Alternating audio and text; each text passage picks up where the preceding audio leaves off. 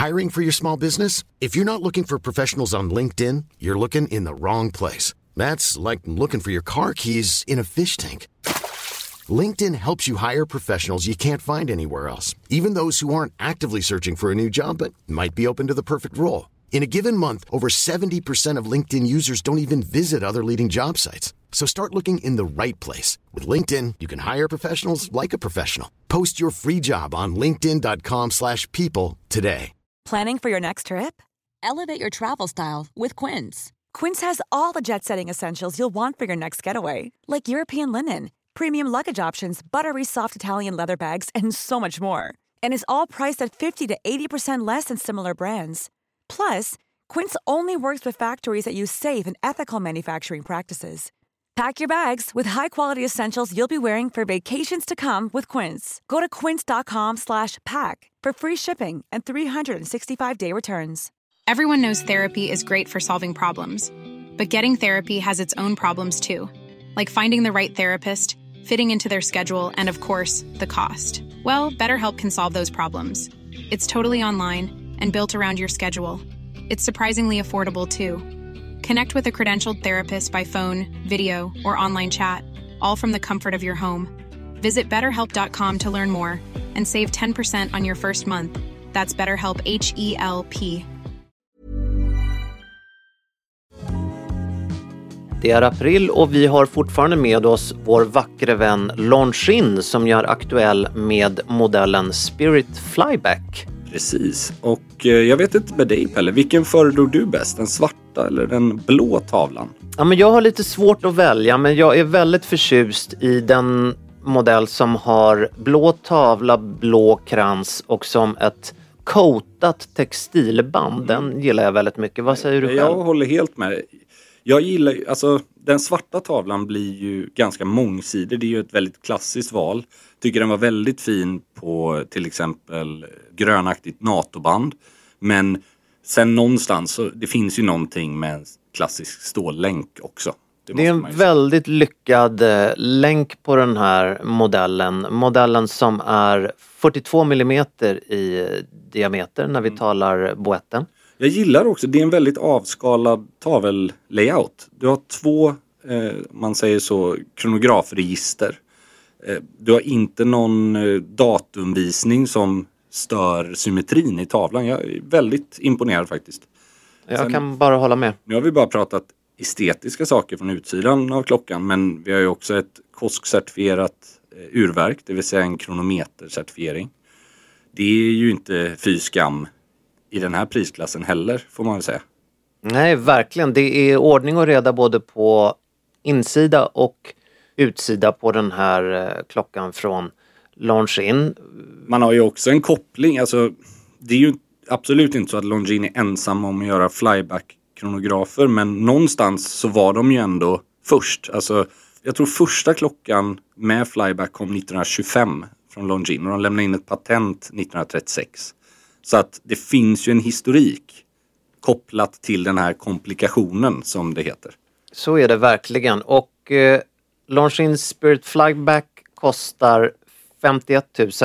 Precis. Eh, kommer då som sagt på lite olika alternativ av band. Men eh, jag rekommenderar att gå in på longin.com och eh, laborera eller botanisera runt lite. För som sagt, det finns någonting för alla i utförande i den här modellen. Ja men verkligen, gå in där och eh, klicka runt. Det här är ju den modell som man är mest aktuell med nu. Sen kommer det hända väldigt mycket mer från eh, Longin. Vi har ju fått se och klämma och känna på, på andra Precis. smakprov från det här varumärket och det kommer hända väldigt mycket under sommarmånaderna från dem. Så att man ska verkligen hålla ögonen öppna på hemsidan men även på våra Instagram där det Ja, det är trots allt en av branschens absolut främsta kvalitetsaktörer inom en väldigt rimlig prisklass måste jag säga. Så är det. Stort tack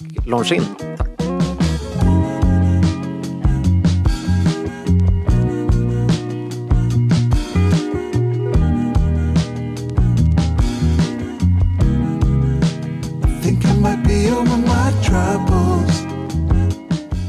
Vad har du för relation till Paris, Andreas? Oj, oj, oj. Romantisk tanke, men jag har faktiskt inte varit i Paris så mycket. Alltså, ibland känns det som att dikten faktiskt överträffar verkligheten. Nu vågar inte jag säga att den gör det för alla som har varit i Paris, för det är väl helt men man, kan ju ha en, man har ju oftast en personlig uppfattning. Ja, men det är en fantastisk metropol. Nu låter du lite politiker... Men min bild av Paris, det är... Det finns nog ingen stad i världen där jag tycker att det känns mer naturligt att sätta sig och ta ett mikrosto, alltså, mikroskopiskt glas vin. Och titta på folk på en uteservering. Väldigt hög lägstanivå associerar jag stan med också. på små glas vin. Ja, verkligen. Nej, men alltså det här, det opretentiösa i att nästan kunna sätta sig var som helst och känna att det är trevligt på något sätt. Det gillar jag med Paris. Det tycker du om. Ja men du först- jag vet inte om jag gör mig eh, förstådd när jag säger att det finns många storstäder där man, där man nästan behöver en lifters guide till galaxen för att hitta rätt. Det Liksom. känns som att du, du, måste, du, du intalar dig själv att du måste gilla Paris. Nej nej men alltså jag har ingenting jag inte gillar med Paris. Det jag menar är att vissa städer behöver man ha sån otrolig koll för att vara nöjd med. Alltså, så här. Om du går till fel ställe. Nej, jag, jag är medveten om. Det är klart att det finns så i Paris också. Det finns turisthak. Jag menar, självklart är det så. Men det känns som att utan någon förkunskap så kan man ha det väldigt trevligt i Paris. Ja, Medan Stockholm till exempel skulle jag vara väldigt noggrann med att hjälpa folk jag känner som ska hit första gången. För att kanske inte hamna på Drottninggatans turistrestauranger snarare än trevligare alternativ. vi, vi var ju i Paris eh, häromdagen. Ja, just det. Så var det ju faktiskt. Det här kan ju låta som att vi är två liksom Alzheimer... Eh, Men eh, vi fick ju en eh, ganska annorlunda upplevelse av Paris. Ja, för vi åkte till Paris, det var ju ett syfte och det var att vi skulle uppleva Kuba. Kuba. Faktiskt. Och det här är ju, nu låter vi helt snurriga, men det var ju verkligen... Fyra timmars kubansk upplevelse i Paris. Ja. Det var Och det är därför spännande. det kanske låter lite snurrigt det här. Men vi, vi åkte till Paris Mm. och eh, det lilla vi såg av Paris var ju väldigt trevligt tycker jag.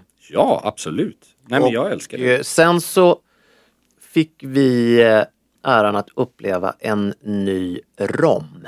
Precis. Alltså drycken, Ja, exakt. dryckeskategorin. En mörk rom från Eminente heter den. Alltså från eh, Louis Vuitton Moet Hennessy, om jag inte minns fel. Va? Mm. Ett eh, varumärke som är väldigt ungt i sin genre. Eminente, ja, absolut. De, de är Ja, väl... inte, inte LVM. Nej, precis.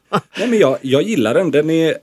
Alltså, det, jag skulle kategorisera den rommen som mer av en sipping-rom. Både i prisklassen, den ligger runt 550 kronor ungefär i Sverige.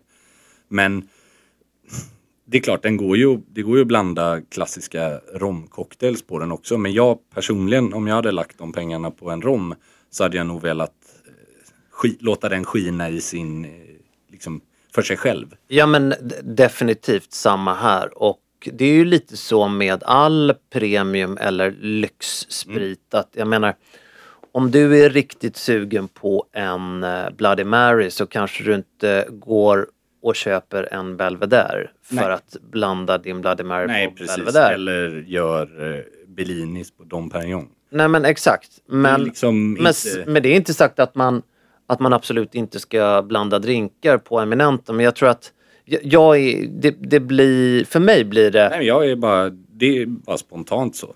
jag, det kändes som att vi var- var väldigt överens om att en, en liten shot, Mm. ett litet romjärn. Precis, och jag Ja, gillade det. Alltså. Ja men det gjorde verkligen jag också. Det var ju en, en eh, väldigt trevlig person där under den middagen som vi åt. För övrigt så kan vi, vi kan ju allt som alltid ta emot eh, ris och ros i det här men kubansk mat har ju ett väldigt dåligt rykte och det, det, det besannades ju ganska så Ja men alltså, ja.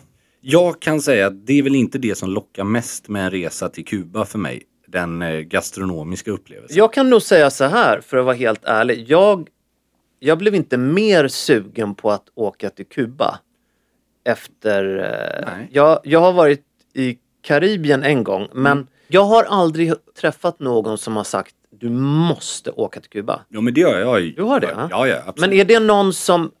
Du, nu måste jag Mm. ju fråga helt ärligt. Är det någon som romantiserar cigarrer? Det kan man säga. Ja, då hade jag nått rätt där i alla fall. Helt rätt.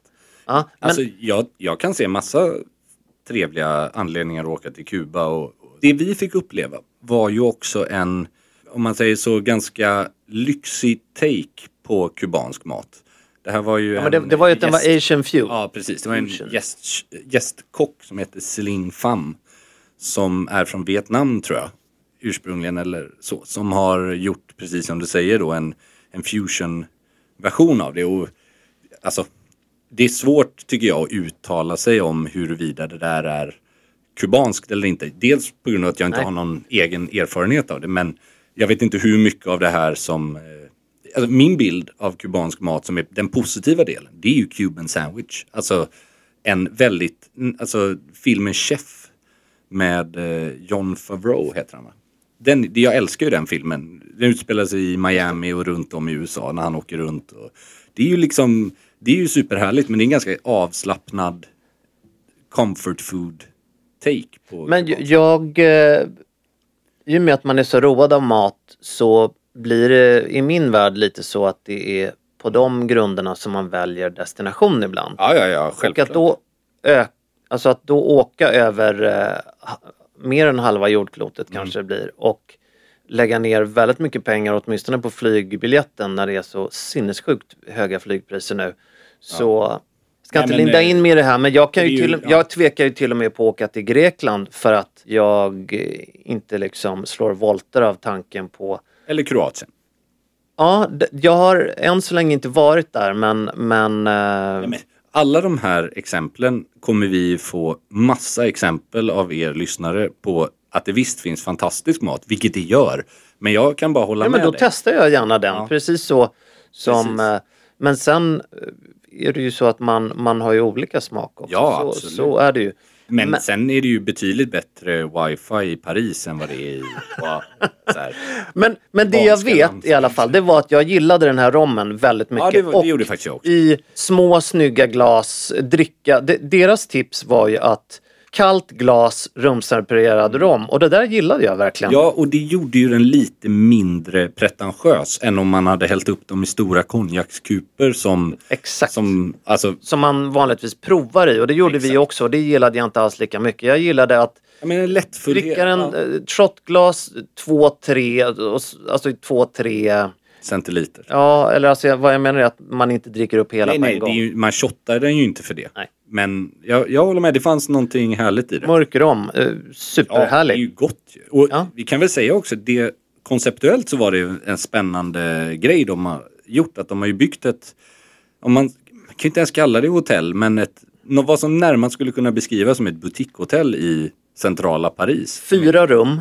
Ja, eh, som heter Casa Eminente då Mm. efter Rommen. Och det, En privatbostad förstod jag det Ja, som. precis. Med, i, i, som ett townhouse. Ja, med eh, restaurang och bar som går att boka för allmänheten men inte rummen då utan där var ju vi väldigt... Men man måste boka. Ja. Liksom.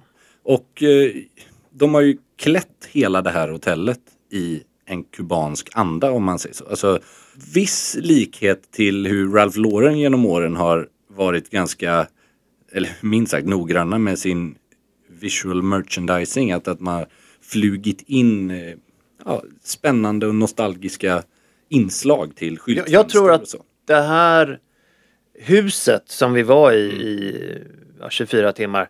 Att det var, vi, vi, jag tror att vi kom väldigt nära en autentisk upplevelse på Ja, det väldigt många sätt. Det tror jag med. Det enda jag kan eh, sakna, och det var ju inte egentligen deras fel, men det hade väl med helheten att göra. Liksom, att när Kuba är så förknippat med cigarr som jag faktiskt också uppskattar. att det är, ju, det är ju svårare att kombinera den upplevelsen i Paris kanske än vad den hade varit i Kuba. De hade ju faktiskt ett rum där man fick röka cigarr. Nu var det ju lite oturligt så att det var en bokad middag där.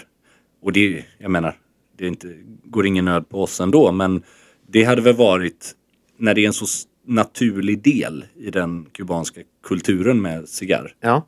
Det hade varit den, den sista lilla... Ja, Jag saknade lite att eh, se dig röka en cigarr. För jag gillar ju att vara i närheten av någon som röker cigarr. Även om jag inte jag-. Men jag, jag älskar ju ju- doften. Ja, och det fanns ju en trevlig innergård på det här stället. Mm. Så där hade man ju säkert kunnat röka en cigarr. Men nu var det ju lite svalare temperatur i Paris än vad det hade varit än vad det var i Stockholm för övrigt samma period. Så att man kanske inte hade suttit där i, i 45 minuter och rökt cigarr. Även om man hade fått. Jag är nog lite spetsigare än vad du är när det kommer till beskrivningen av min relation till Paris tror jag. För jag, jag har aldrig riktigt fallit för Paris Ja, faktiskt. okej. Och det, det är jag vet ju att det, det är väldigt många som gör det. Och så, men jag har inte gjort det. Och jag kan ju vara öppen med att säga att jag har inte blivit hållen i handen i Paris. Eh, Och nu syftar jag inte på den romantiska aspekten utan på, jag har inte blivit liksom tagen till rätt platser. En av mina absolut närmsta vänner är därifrån men det har inte blivit tillfälle att vi har varit där tillsammans. Vi fick ett tips du och jag på vart vi skulle gå men nu fick vi inte tid till Nej. att gå ett, ett Men det de kan vi väl ändå tipsa om. För jag har något tips som eh, jag också fått som vi borde dela med oss. Alltså bara så här utan att vi ska väl vara ärliga med att vi är ju inga är experter på det. Paris på något Och några saker som eh, man kanske kan säga att man inte behöver göra som vi gjorde. Det vill säga alla, nej men så här, alla de största sevärdheterna i Paris, likt New York, London och andra Ja. storstäder, kommer ju med turisterna. Ja, nu, vi blev ju vallade av en eh, det var ju person och det var ju vi- väldigt väl Ja, ja, det, alltså det var ingenting där var vi ju- hade någonting emot. Men det slog mig att gå och ställa sig utanför den här pyramiden vid Louvren. det är ju liksom exakt samma problematik som det är vid eh, Fontana di Trevi i Rom eller liksom. Vi var ju artiga gäster, så var det. Ja, ja, ja. Och, och så här, men det är väldigt roligt hur många av de här ikon, alltså samma med Eiffeltornet, alla de här ikoniska landmärkena är ju vackra på bild. Men i verkligheten så tas ju mycket av den romantiken bort när det står 42 människor och gör samma Ja. pose att de håller i toppen av Ja, pyramiden. eller 42 på 000 bild. personer. Ja, nej, men precis. Med 42 per kvadratmeter nästan.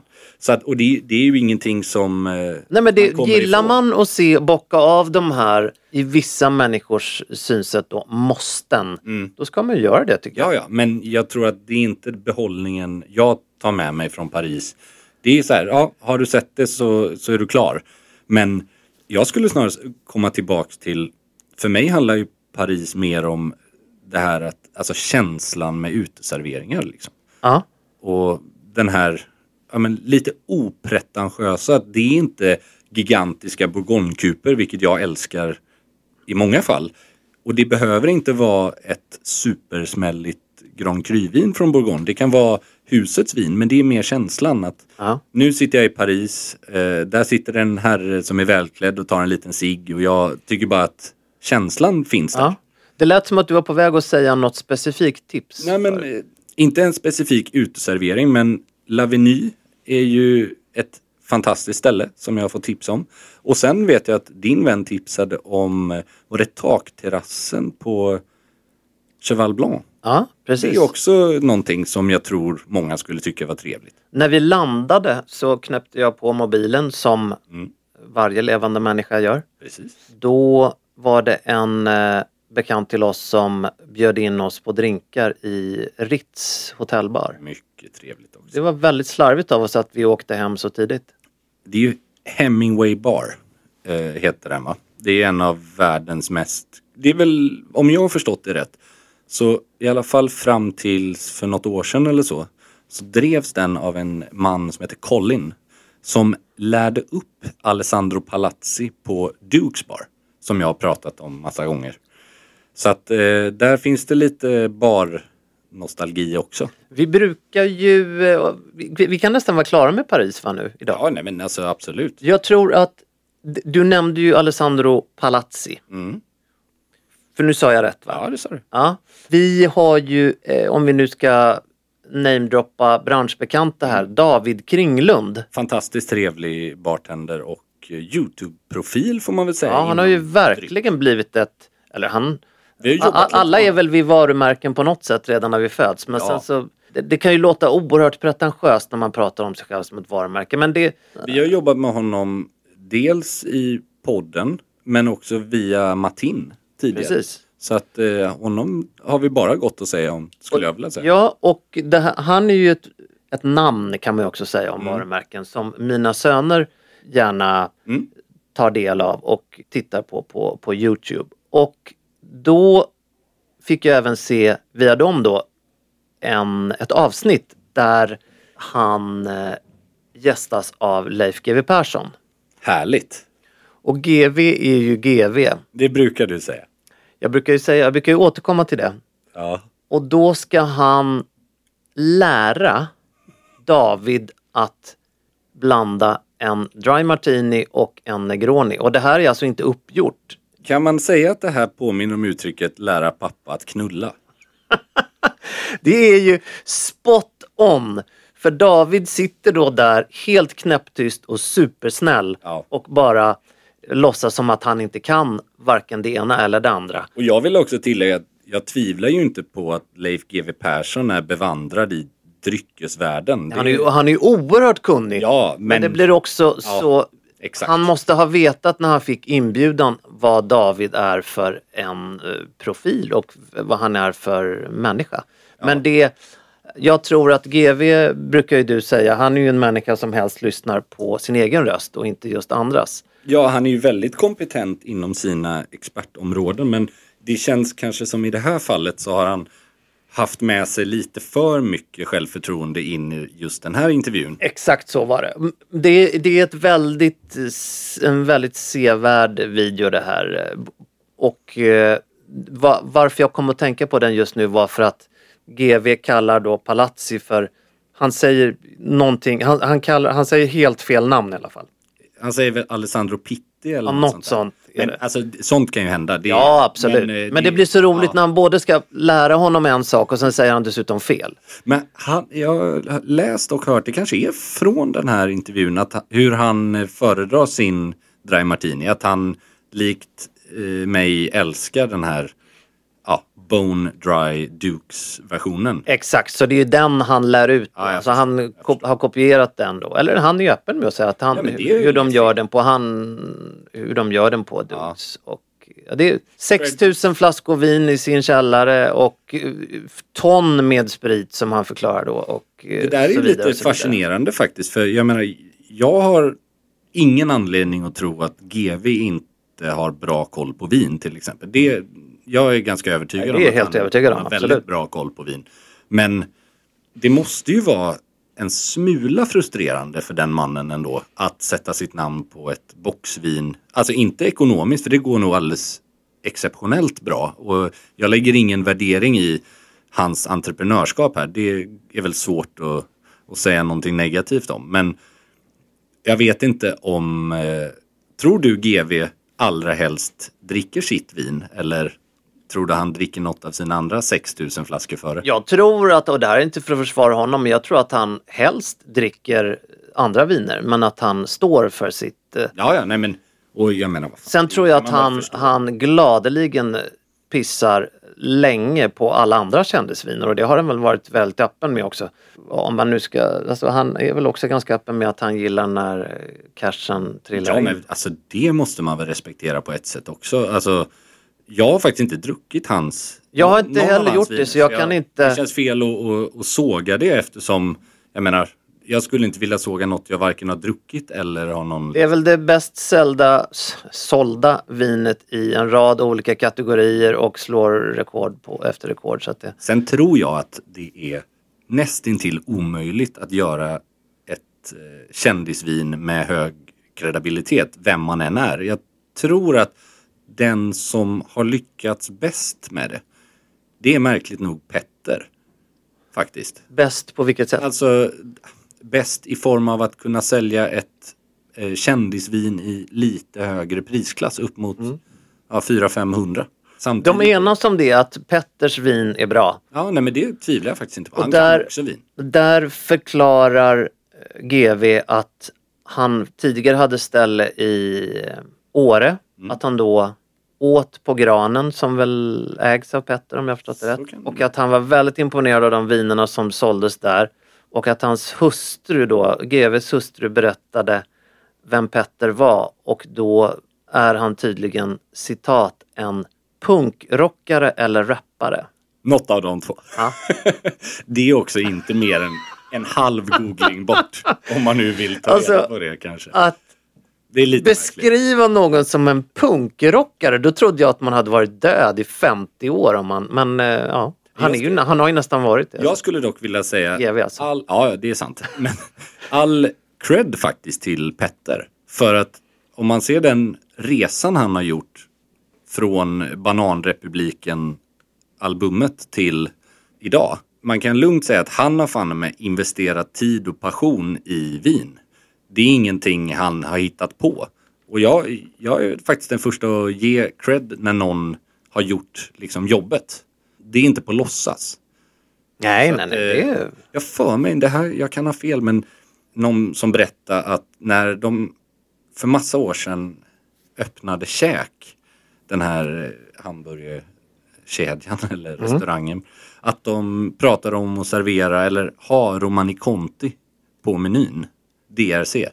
Jag vet inte sannolikhetssalten eller ja, det är ju helt absurt för det första med tanke på att käk är ju, det är ju inte ens en fancy hamburgerrestaurang. Nej, nej. Liksom. Och att sälja då världens inte- typ dyraste vin. känns det inte väldigt, väldigt snobbigt då liksom? Ja, eller, eller nästan gimmickaktigt tycker jag. Vad är det för vin som Julio Iglesias har när han åker kråkan och Ehm. äter KFC? Jag tror att det är en Mouton Rothschild.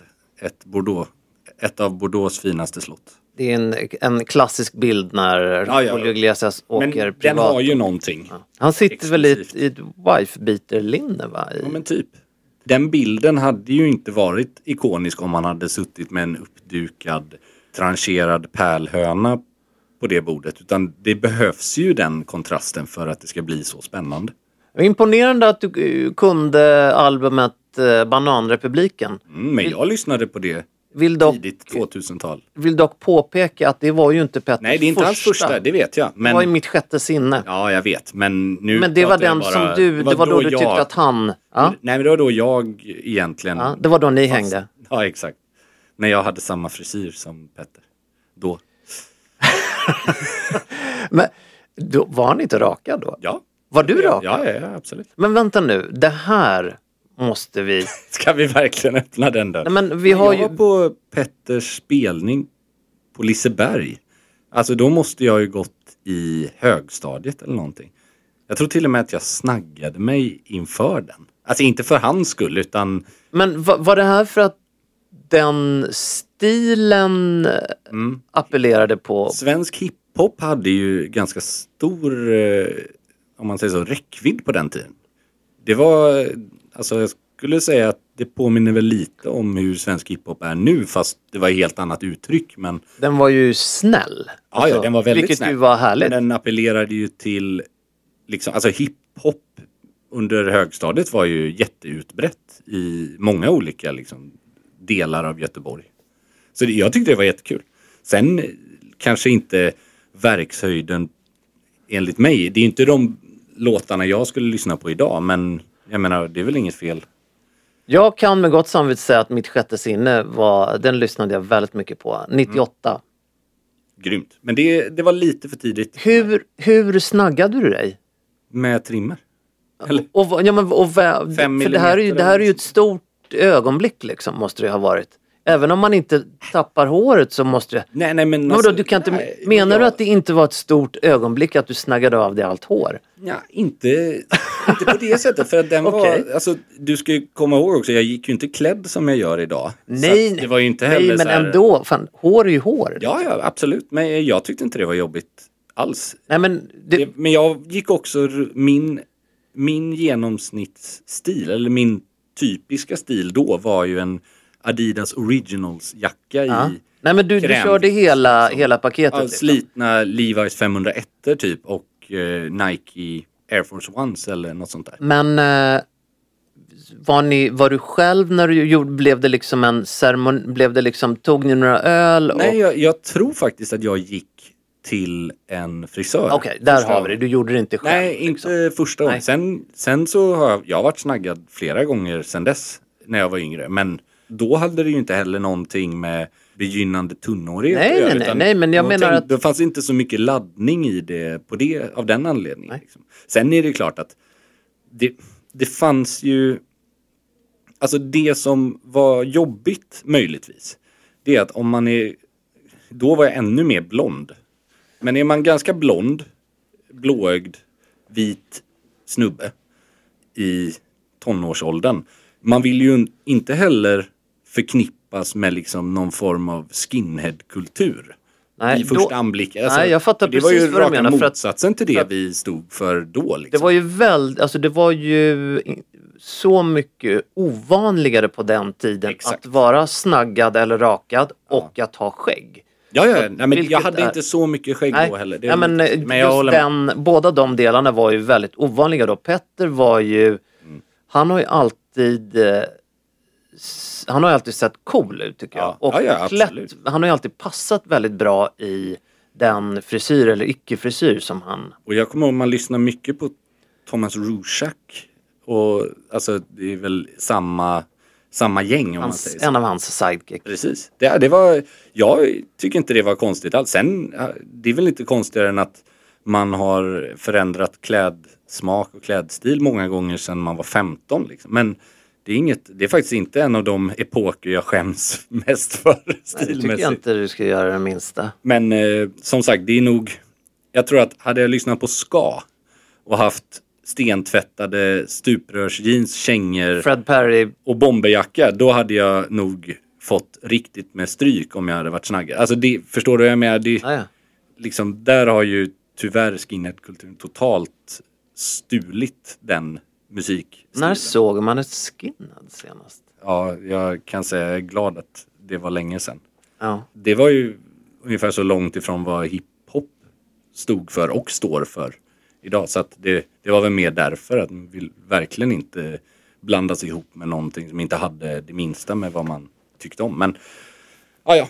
Det, jag tycker ju fortfarande, och det är ju rätt uppenbart med tanke på att du har snaggat det, att det finns ju idag en liksom mycket mer, mycket bredare tolerans för att vara snaggad ur ett stilmässigt perspektiv. Alltså, det finns ju egentligen ingen klädsel som man inte kan vara snaggad i idag.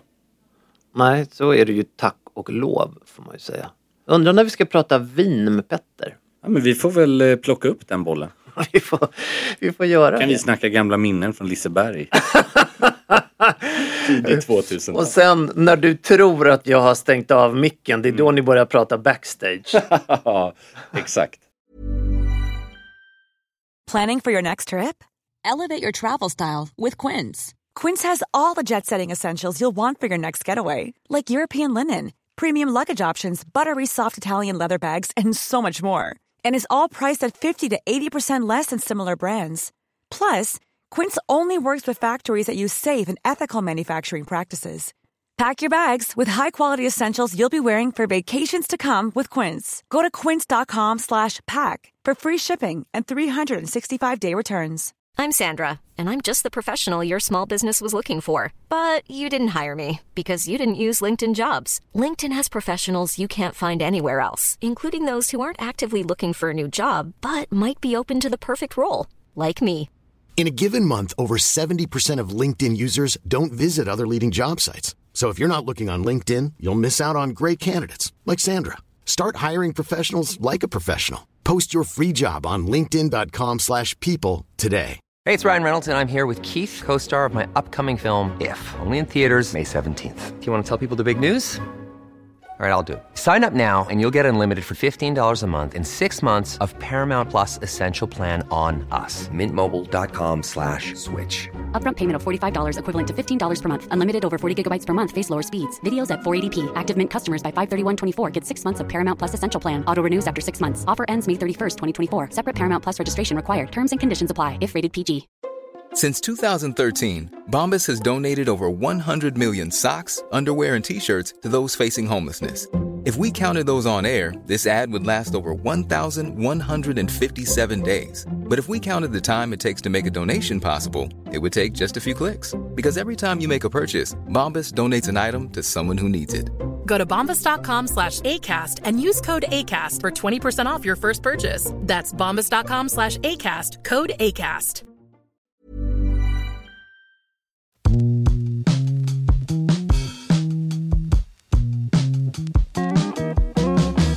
Vi har vår vän Oskar Jakobsson med oss. Så är det inte så Andreas att vi har enats om att de är bäst på fest? Ja, vi brukar säga det. Det har ju vi vetat sedan länge men man, alltså, sådana här viktigheter tål ju att upprepas. Ja, och vi har ju varit inne lite på våra favoritplagg ur eh, festkollektionerna eller ja, vårkollektionerna i allmänhet. För allt som är fest är inte smoking, även om de är väldigt starka inom smoking också. Jag skulle vilja säga att det som har varit roligast är väl att tolka fest på de här lite mer eh, ja, men lite mer svårdefinierade sätten. Som till exempel eveningwear. Vi var inne på att jag valde ut en eh, sammetskavaj. Som man kan bära kanske till och med ihop med en smokingbyxa och en vit uppknäppt skjorta för en schysst kvälls kvällskänsla som inte säger black tie nödvändigtvis. Och att man faktiskt kan gå på fest i eh, kvaliteten linne eller Ja. fresco som ju är en, en eh, fantastisk eh, kvalitet. Sen fastnar vi bägge två för modellen Ferris, den dubbelknäppta kavajen som även kommer med tillhörande byxa i linne. Och både den mörkblå linnekvaliteten och den benvita. För jag vet inte om vi sa det men jag, jag vill ju hävda att en benvit linnekavaj kan ju låta väldigt begränsad eftersom den är vit. Men det är också faktiskt förvånansvärt mångsidigt plagg. Att du kan sommarmånaderna om det är riktigt varmt då kan den till och med alternera som en smokingjacka ihop med klassisk smokingklädsel i övrigt. Men jag menar jag har valt att bära den till hawaiiskjorta eller ja, egentligen typ till ett par jeans. Alltså. Man kan laborera sig fram i deras festsortiment. Man går in på oskarjakobsson.com eller så går man in hos någon av deras återförsäljare.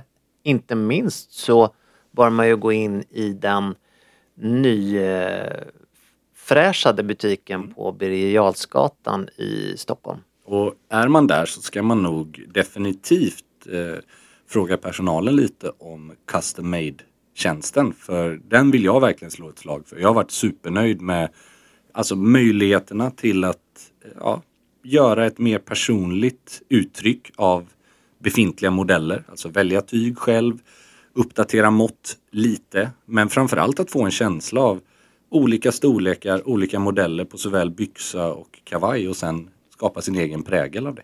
Stort tack till Oskar Jakobsson. Tack. Vi har ju Ja, vi har i detta lite- avsnitt har vi ju vi har lyssnarmail. Vi försöker ju alltid att svara efter bästa förmåga på alla era härliga mejl och frågor. Och jag tänkte vi kan ta två stycken eller ett par i alla fall. Ja, vi gör det. Vi har en som rör klädkod kavaj för bröllop och inte minst slipsen. Hej! Jag har en fundering som jag tror er vishet kan reda ut. Ska gifta mig i sommar, dresscode kavaj i lantlig miljö på en ö i södra Sverige. Överlag kommer det vara avslappnad atmosfär.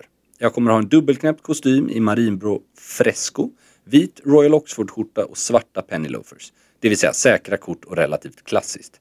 Det jag inte kommit fram till är slipsen. Hur ska jag tänka här? Har inte slips till vardags? Vilken färg, mönster ska jag satsa på? Något annat än slips jag borde överväga? Vill gärna kunna ge samma slips som gåva till mina två bästmän, så inget tips som gör en bankrutt. Vänlig hälsning Johan? Väldigt bra fråga. Verkligen. Vad tänker du Pelle?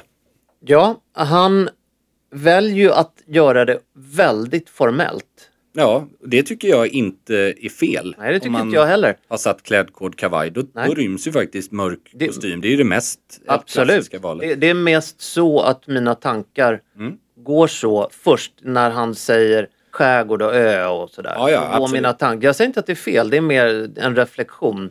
Men- och, eh, Eller du, hur tänker Nej, du? nej men alltså Bröllop är fortfarande bröllop. Jag tycker alltid bröllop rymmer utrymme för en mörk kostym. Det måste inte ha det, men jag tycker aldrig att det är helt fel. Vi vet ju inte heller vart, alltså hur miljön ser ut på den här ön. Om det är inne i en mer formell lokal eller om det är kyrka eller borgerligt. Vi vet inte exakt, men det jag skulle vilja säga, en av frågorna här om han vill ge samma modell av slips eller en likadan till sina bästmän.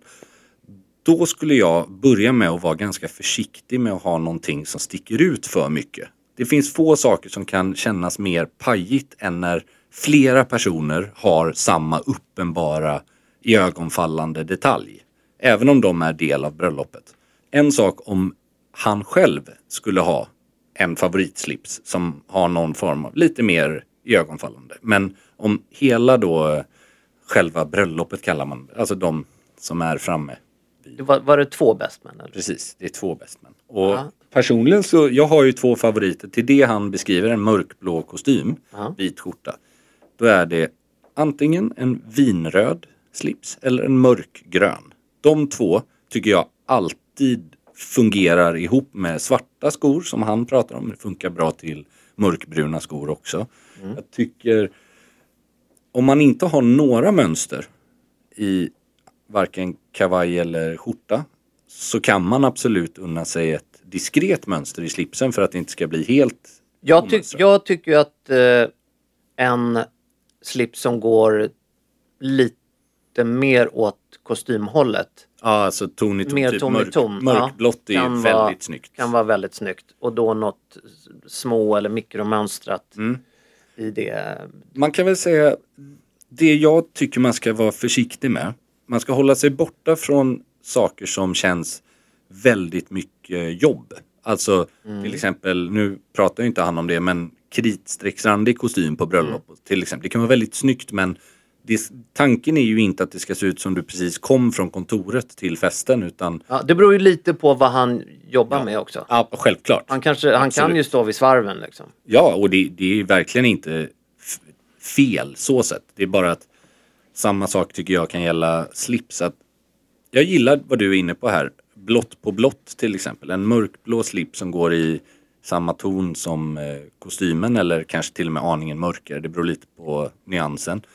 Men eh, alltså, Jag har ju inte hålla det gift, ganska enkelt. jag har inte gift mig själv men jag har varit bestman en gång. Mm. Och då fick jag i uppgift då att fixa just slipsarna Mm. som skulle hålla ihop oss. Och då gjorde jag just så att det Mm. blev eh, slipsar, mörkblå slipsar som gick ton i ton med Snyggt. kostymerna. Och eh, småmönstrat. För jag tänker att till exempel att ha en eh, väldigt starkt färgad rosa eller gul eller något så här som sticker ut. Det, jag tycker det kan ta ganska mycket uppmärksamhet. Ja, ja, ja. Nej, men det, det blir, det jag håller med dig, pajigt är rätt ord. Men jag vill också ge tips på Mm. det temat för att det här är ju ganska, det är ju en representativ och vanlig fråga det här Mm. med hur man liksom förenar och vill man göra det med slips, man ska vara ute i väldigt god tid. Ja. För att, att komma in i en butik och säga att ja men den här var snygg, jag vill ha fyra sådana eller fem. Mm, Det är inte säkert. Nej, det är väldigt ovanligt för att butiker, det beror ju såklart på storleken på, på butik, om det nu är en fysisk butik, det kan ju vara på nätet också. Men det, det är inte alltid som en återförsäljare, oavsett om den finns på nätet eller är fysisk, har många av exakt samma mönster. Och sen en sak som inte helt framgår i det här mejlet. Det är om hans bestman kommer ha också ha mörkblå kostym eller inte. Vanligtvis så har man ju en väldigt lik eh, klädsel som brudgummen. Men säg att eh, hans bestman har grå kostym. Då kommer ju fortfarande en mörkblå slips vara väldigt snyggt. Men man ska bara ha det i åtanke. Absolut. För att slipsen i sig kommer inte hålla ihop allting Nej. om man har helt olika färg på kostymerna eller om någon har en ljusblå skjorta. Utan man ska nog tänka att antingen så ska det vara helt enhetligt eller så kommer inte den Nej, jag håller med. Absolut. Då, då behöver du inte lägga pengar på att köpa Nej. slipsar Och då sticker det iväg i pris och att sätta de kraven på en bestman. Det att- tycker jag inte man ska Nej. göra.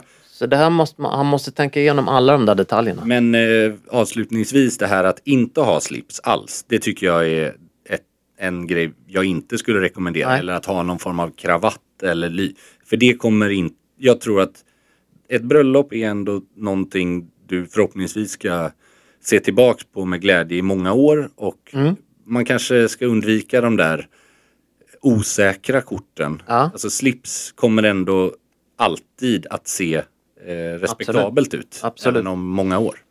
Håller helt med. Vi har fått en mail här. Jag har en fråga som rör en viss typ av skor och det är hiking boots, vandrarkängor men stiliga, typ Morjas ger han Mm. som eh, exempel här då. Det är ganska många spännande aktörer som har gett sig på den här mer eleganta hikingkängan. Verkligen, alltså Morjas har snygga, Myrkvist har snygga, CQP, CQP har ju fantastiska. DM som var kanske ett av de första, om man, inte första men en av de första att göra den här urbana eh, hikingkängan. De är snygga men jag undrar om man kan ha dem till vardags eller om de bäst lämpar sig när man ska ut på vandring. Jag tycker om att snöringen går så långt ner på skon. Jag skulle säga Alltså definitivt kan man ha dem till vardags. Det är ju det som är... Förutsatt att vädret tillåter. Ja, alltså nu, det här mejlet kommer ju om man får säga så lite... Jag ser här på avsändaren att han är hemmahörande i Luleå så att ja, då kan han definitivt ha det i någon eller några månader till. Men definitivt kan man ha de här till vardags. Det är då de är som snyggast. Jag säga. tycker snarare faktiskt att ha dem till vardags men kanske i en avslappnad miljö. Ja. Alltså hur man klär sig i övrigt. Inga problem alls. Jag tycker det är nästan märkligare att ha ett par schyssta ljusa mocka hiking boots för att man ska gå på tur. Det finns andra alternativ om man ska på hike. det här är ju definitivt mode. Det har ju gått från trend till, till mode och det här är ju någonting som kommer hålla i sig definitivt nästa vinter också. Så det är ju ingenting han behöver vara orolig för att använda. Om man nog nu, vara lite sådär att om man vill ta ut svängarna så mycket så att man bär dem till kostym. Då ska man nog vara väldigt eh, absolut. trygg i den. För Jag upplever det som att det inte är det han, just den här mannen, menar med vardags. nej, nej, eh, exakt det. Alltså jag skulle snarare säga att ett par jeans eller manchesterbyxor, alltså någonting som Lite grövre. lite grövre. Man behöver inte ens ha kavaj till. Polotröja, någon filjacket eller liksom sportigare ytterplagg. Men ha, jag skulle säga ha definitivt flera månaders uppehåll från den här modellen för annars blir det för utstuderat att Ja, ha ja. det på sommaren. Nej, Även om man tycker jag att det är heller. snyggt. Det blir för, för Jag fjantigt. skulle nästan säga att den enda kängan jag skulle vara bekväm i, eller det finns två som jag skulle kunna ha sommartid. Och det är en Chelsea boot i mocka och möjligtvis en chacka. Mm. De två känns inte, alltså chacka är ju en ökenkänga ursprungligen så att där finns det ju en naturlig koppling till värme. De är, ju, de är ju väldigt mycket nättare också. Exakt. Och det är en viktig grej för att det finns, precis som det är konstigt att ha linne på vintern eller flanell på sommaren. Det, var sak har sin plats. Så att det, för, för att man ska uppfatta någon stilfull tycker jag, då ska det finnas en, en logik i att var plagg har sin situation. Liksom. Jag skulle vilja ge tips på, du nämnde Diem. Mm. Vi nämnde de svenska aktörerna. Ett varumärke som faktiskt har en, ett visst svenskt ägande. Det är det klassiska, det legendariska varumärket Rossignol. Ja, kul. De har oerhört snygga hiking boots. Där tänker jag mer skidåkning. Ja. Naturliga skäl. Men eh, kul, bra tips. De har ju alltså ett sortiment som är helt fantastiskt när det kommer till verkligen nutida hiking boots. Mm. Och väldigt så här Sant Moritz kompatibla. Ja. Kika in Rossignol och de här övriga varumärkena och ligg på dem till i oktober. Ja, det tycker jag. Eller ja, tills vädret Ja, tillåter exakt, i alla fall. så. Och temperaturen. Exakt Ska vi ta ett? Ja, men jag tycker till? det. Hej! En inte obetydande del av er lyssnarskara lär väl som undertecknad och Per bära glasögon. Skulle ni kunna fördjupa er i detta ämne i någon podd? Jag tilltalas själv av tanken att ha flera glasögon för att kunna ha vid olika tillfällen. Lite som med klockor, något sportigt, något dressat etc. Vore kul att höra era tankar om det. Tack för en bra podd. Stort tack! Ja, tack för, för mejlet och för förtroendet. Att då, jag tar på mig den här direkt. Det då. tycker jag verkligen du ska kan man ju säga hur många gånger som helst, men smak är ju personligt. Och klockor byter jag gärna, flera gånger i veckan. Oftare än underkläder va? Märkte du det när vi, när vi var i Paris nu? Ja eller? exakt. Nej, Nej, ja, men det byter jag gärna. Glasögon däremot är jag helt tvärt emot. Där går det år emellan. Varför resonerar jag så här då? Varför funkar jag så? Jag har någon tanke om att jag skulle uppfattas som för ängslig och för mode m- människoaktig om jag skulle... Det, det är därför jag har det här förhållningssättet. Jag, jag förstår vad du menar. Jag bär ju inte glasögon själv. Men har ju såklart en åsikt oavsett. Ja, ja men så Jag- funkar man. Jag håller faktiskt med dig här helt och hållet. att Jag tycker glasögon är en så otroligt naturlig del av en person som bär det varje dag. Att lite så som jag har känt i långa perioder med, med en doft. Att jag gillar när den är väldigt personlig. Ja. Att jag, det här är en så naturlig del av dig, dina glasögon. Och då, sen den andra aspekten är att jag tycker verkligen att glasögon är någonting som man ska vara ännu mer noggrann med hur de passar ens ansikte och Absolut. ens personlighet än vad ett par solglasögon behöver vara kanske. För där kan man ta ut svängarna lite mer på attityd och känsla och, och andra saker. Men när du ska ha någonting som faktiskt ska funka till kanske olika klädsel och varje dag. Det ska vara en, ja, en förlängning av dig själv. Så tror jag att man, det är bättre att försöka hitta en modell. Ja. Eller i alla fall en stil av. Just det här med att byta mellan glasögon är inte min grej. Däremot förstår jag nog, eller jag, jag, kan- jag kan mer förlika mig med människor som byter glasögon utan, att gå till, utan att byta emellan så att säga. Okej. Så att, att man byter, alltså att man köper ett par nya och sen så lämnar man de andra. Ja, ja, ja. alltså, Till en ny stil. Till en ny ja, ja, Man nej, byter inte Det är som att byta tillbaks. frisyr liksom. Att nu har jag gått igenom den här Den har jag ju också svårt att...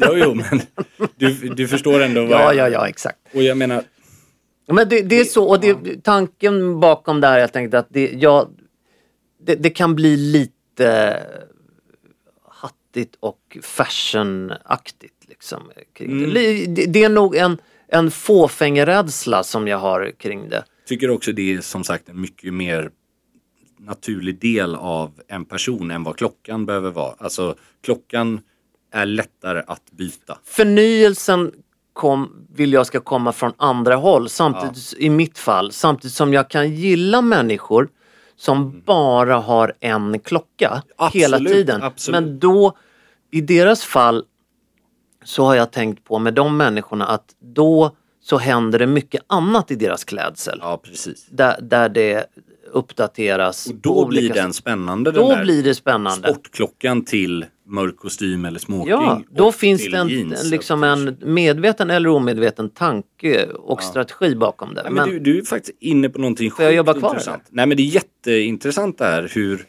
det är en fara när man försöker, där är jag en stor bov i det här, att man försöker att göra för mycket variation. Att allting ska alltid liksom, man ska ha den klockan till den klädseln och de glasögonen. Jag är jättedålig, alltså jag gör det alldeles för mycket med framförallt solglasögon då. Att, ja men har jag svarta skor så vill jag ha svarta Wayfarers, har jag gulddetaljer på vigselring eller klocka så vill jag ha Det är väl guld. vad man gillar. Jo, men det finns någonting väldigt elegant som du är inne på i att i den här liksom konsekventa känslan i att det här är inte, det kan lätt bli lite maskerad. Jag kan ju också gilla det med att ha en doft som du har om vi nu ska... Ja, i, alla fall har haft. Alltså, Nu är du uppe i två. ja, men, precis. Men de är väldigt olika för Ja. helt olika situationer. Men du har ju också en väldig variation i ditt övriga yttre så att säga Precis. när det kommer till... Precis. Men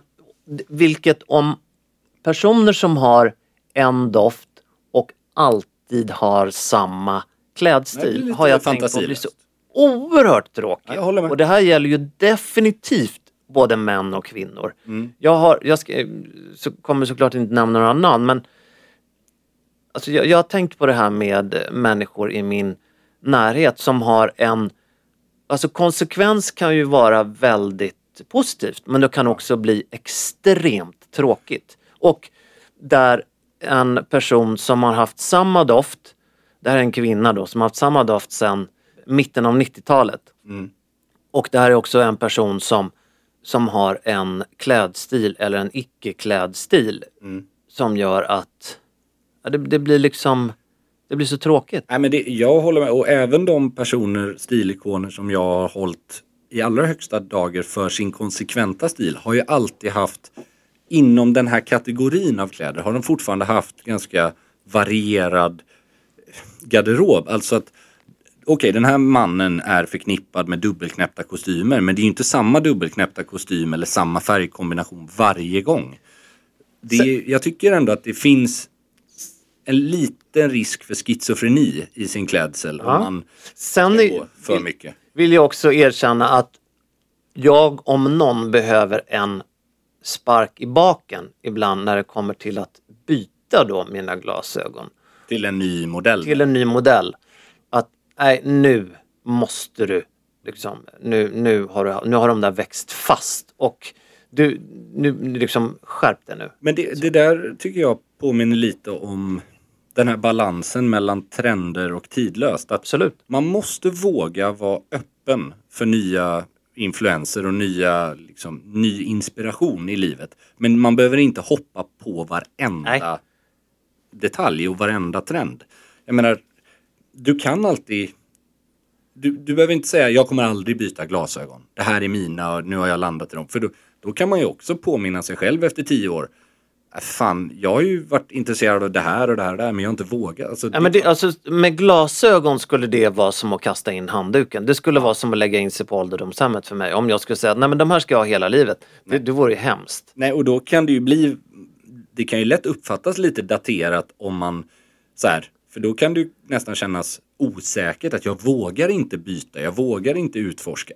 Men det är ju inte sagt att man måste hoppa på den rådande trenden som är just då, utan man kan ju liksom så här, det, lika viktigt som det är att ha bågar som passar ens ansikte så måste man ju också veta att det finns många olika bågar. Ja, ja, passar ens absolut. ansikte. Men Nej, man kanske inte behöver gå all in bara för att man ska byta liksom. Så är det. Och som du var inne på, passform. Det, Passformen är viktig och det, så är det bara. Och eh, Kan man som sista detalj i det här kanske lägga in ett annat tips att precis som att andra accessoarer är en förlängning av din personliga stil. Om du är Nick Fawkes, som vissa känner till, en brittisk journalist, skribent, författare som är känd för att han har ju liksom hela regnbågens färgspektra på sig. väldigt extravagant. Väldigt eh, extravagant och excentrisk. Då kommer du såklart undan med mer excentriska glasögon. Precis som Elton John kom undan mer eller mindre med en stil som kanske du och jag inte hade gjort. Det är samma sak där. Hur är din övriga stil och din personlighet och vad du känner dig bekväm i? Om, om man ska ha sådana här små, jag älskar ju de här små färgglada, alltså pyttesmå med supertunna skalmar som alla industrialister och silverrävar har haft. Ja, det är väldigt svårt att förklara vad de heter, men lite så här. Ja, men lite Små runda eller? miljardärsbriller. Ja, precis. Ja, Lite Stefan Ingves-briller fast Ja. mer smakfulla kanske. Inga Tindervinnare kanske men de är Nej, stilvinnare väldigt eller? tunna, lätta som fasen alltså. Men det passar ju om man har... Jag, und- jag älskar att Stefan Ingves Ja, nämns inga i positiva stilordalag. han, ja. alltså stil, liksom, hans klädstil kanske lämnar lite att önska. Men Hans glasögon är inte helt olika. Ja, men till exempel Sergio Loro Pianas och några av de här. Jag, jag tänker på de här gamla silverrävarna som absolut inte har alla hårstrån kvar på gässan men fortfarande bär upp den här stilen fantastiskt. Men är du 22 och har liksom mockajacka och jeans, då kanske inte de brillorna är optimala om, för din nuvarande stil. Alltså man får ju hitta någonting som, som kanske inte behöver matcha exakt men som funkar med din livssituation. Ja, men det är ju lite som med mat och dryck och annan Ja, klädsel. Endera så ska det gå hand i hand eller så ska du bryta av. Exakt. Och så tänker jag i alla fall även kring eh, glasögon. Sen blir ju det lite att säga emot då. Hur löser jag då det om jag ska ha ett par glasögon som ska funka till allt? Nej, men, då men- får man försöka att hitta en, jag tänk- en mellanväg. Jag tänkte på det inför idag som ett litet stiltips överlag. Så här. Det finns två vägar jag brukar tänka när man ska sätta ihop en outfit. Antingen så ska allting bara harmonisera men inte sticka ut. Alltså du kan liksom inte riktigt sätta fingret på vad det är i den här outfiten som gör den, den är bara harmonisk. Eller så ska den verkligen säga någonting, alltså verkligen sticka ut. Det behöver inte vara ett plagg men typ idag har jag verkligen Idag är det tonalt. 42 nyanser av taupe i, ja det är samma nyans skulle jag säga. Mm. Väldigt tonalt. Och det blir ju ett statement i sig. För Väldigt att det är så elegant. uppenbart. Men däremot att kombinera en slips och en bröstnäsduk i exakt samma färg och mönster. Det blir ganska, tycker jag, fantasilöst. Det är väl det bästa exemplet på dålig matchning. Vilket jag tror om några år Mm. kommer vara helt okej igen att göra det. Jag tror att synsättet, jag kan nästan säga man har på slips och bröstnäsduk. Jag tror att det synsättet är liksom har kommit till. Man har blivit påverkad av idioter som har gjort det lätt för sig. Jo, jo, absolut. På samma sätt som vi, vi samma synsätt som vi har på dubbelmunken. Liksom. Jo, fast det känns som att just det, det, var det, det är liksom det första stiltipset man fick lära sig inom klassiskt herrmode. Ja, Men bla, matcha aldrig exakt slips och näsduk. För att det ser ut som du har köpt ett jävla tvåpack från herrekiperan. Och det, det ligger ju någonting i det. Där vill man ju istället uppnå någon form av balans. Att visst, du kan ha någonting blått i din slips och något blått i din näsduk. Eller du kan ha en vit skjorta med en vit näsduk. De, den, det är ju det som är så paradoxalt i det hela. Att, att en vit bröstnäsduk, oavsett om du och jag inte bär näsduk lika ofta längre, så kommer jag alltid stå fast vid att en vit bröstnäsduk är inte fel. Det, det är definitionen av en, någon form av tidlös... Det kommer aldrig vara Nej, fel. Liksom. Oavsett om du har en Mad Men-inspirerad kostym eller en blå kavaj och uppknäppt skjorta så kan du alltid trycka ner en vit näsduk om du vill. Men sen måste du inte göra det. Men det, det är inte samma sak att matcha Nej. näsduk i vitt med vit skjorta som det är att matcha en grönblommig slips och grönblommig näsduk. Nej, jag, jag håller med. Det är två olika saker. Det var mycket om eh, glasögon och en... eh, Ja, och, och Några- harmonisera eller kontrastera i sin stil. Precis. Stort tack för mail och DMs. Vi... Och tack för att ni har lyssnat. Vi är tillbaks om en vecka. Det. Hej då. Hej då. feel like the only one who found out the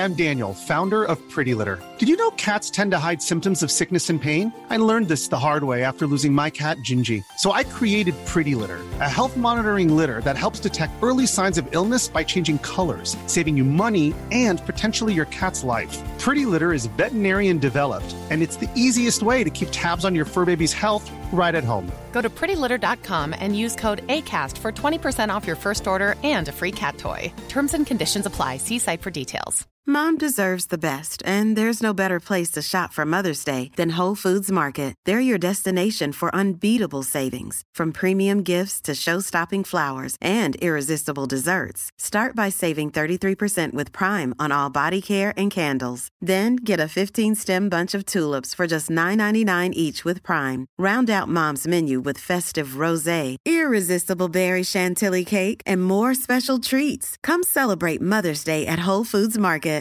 Imagine the softest sheets you've ever felt. Now imagine them getting even softer over time. That's what you'll feel with Bowl and Branch's organic cotton sheets. In a recent customer survey, 96% replied that Bowl and Branch sheets get softer with every wash. Start getting your best night's sleep in these sheets that get softer and softer for years to come. Try their sheets with a 30-night guarantee. Plus, get 15% off your first order at bowlandbranch.com. Code BUTTERY. Exclusions apply. See site for details.